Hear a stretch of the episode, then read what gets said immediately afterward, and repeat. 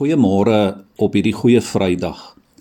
Mag jy vandag en ook vir die res van hierdie naweek die teenwoordigheid van die Here op 'n besondere manier ervaar. In Johannes 15 praat Jesus met sy disippels oor 'n wingerdstok en lote snoei en vrugte dra. Dis natuurlik 'n bekende beeld en bekende woorde uit die druiweboerdery.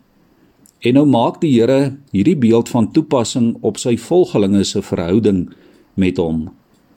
Dis baie interessant en ook treffend dat Jesus 12 keer in hierdie 10 verse, die eerste 10 verse die woordjie in gebruik. Elke loot in my. Julle moet in my bly. Ek in julle, my woorde in julle, in my liefde in die Vader se liefde. 5 keer herhaal die Here: "Julle moet in my bly."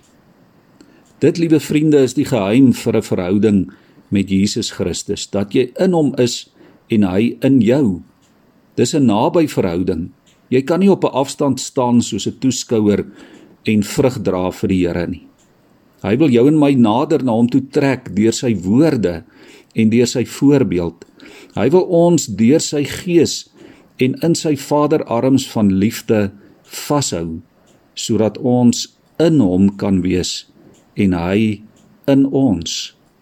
In vers 9 tot 17 sê Jesus die groot toets vir hierdie naby verhouding met God is die mate waarin ons mekaar liefhet.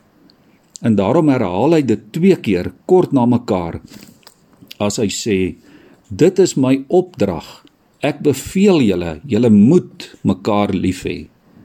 Van vers 18 af sê Jesus vir sy disippels en vir jou en vir my, die wêreld ken nie hierdie soort liefde en hierdie naby verhouding met God nie.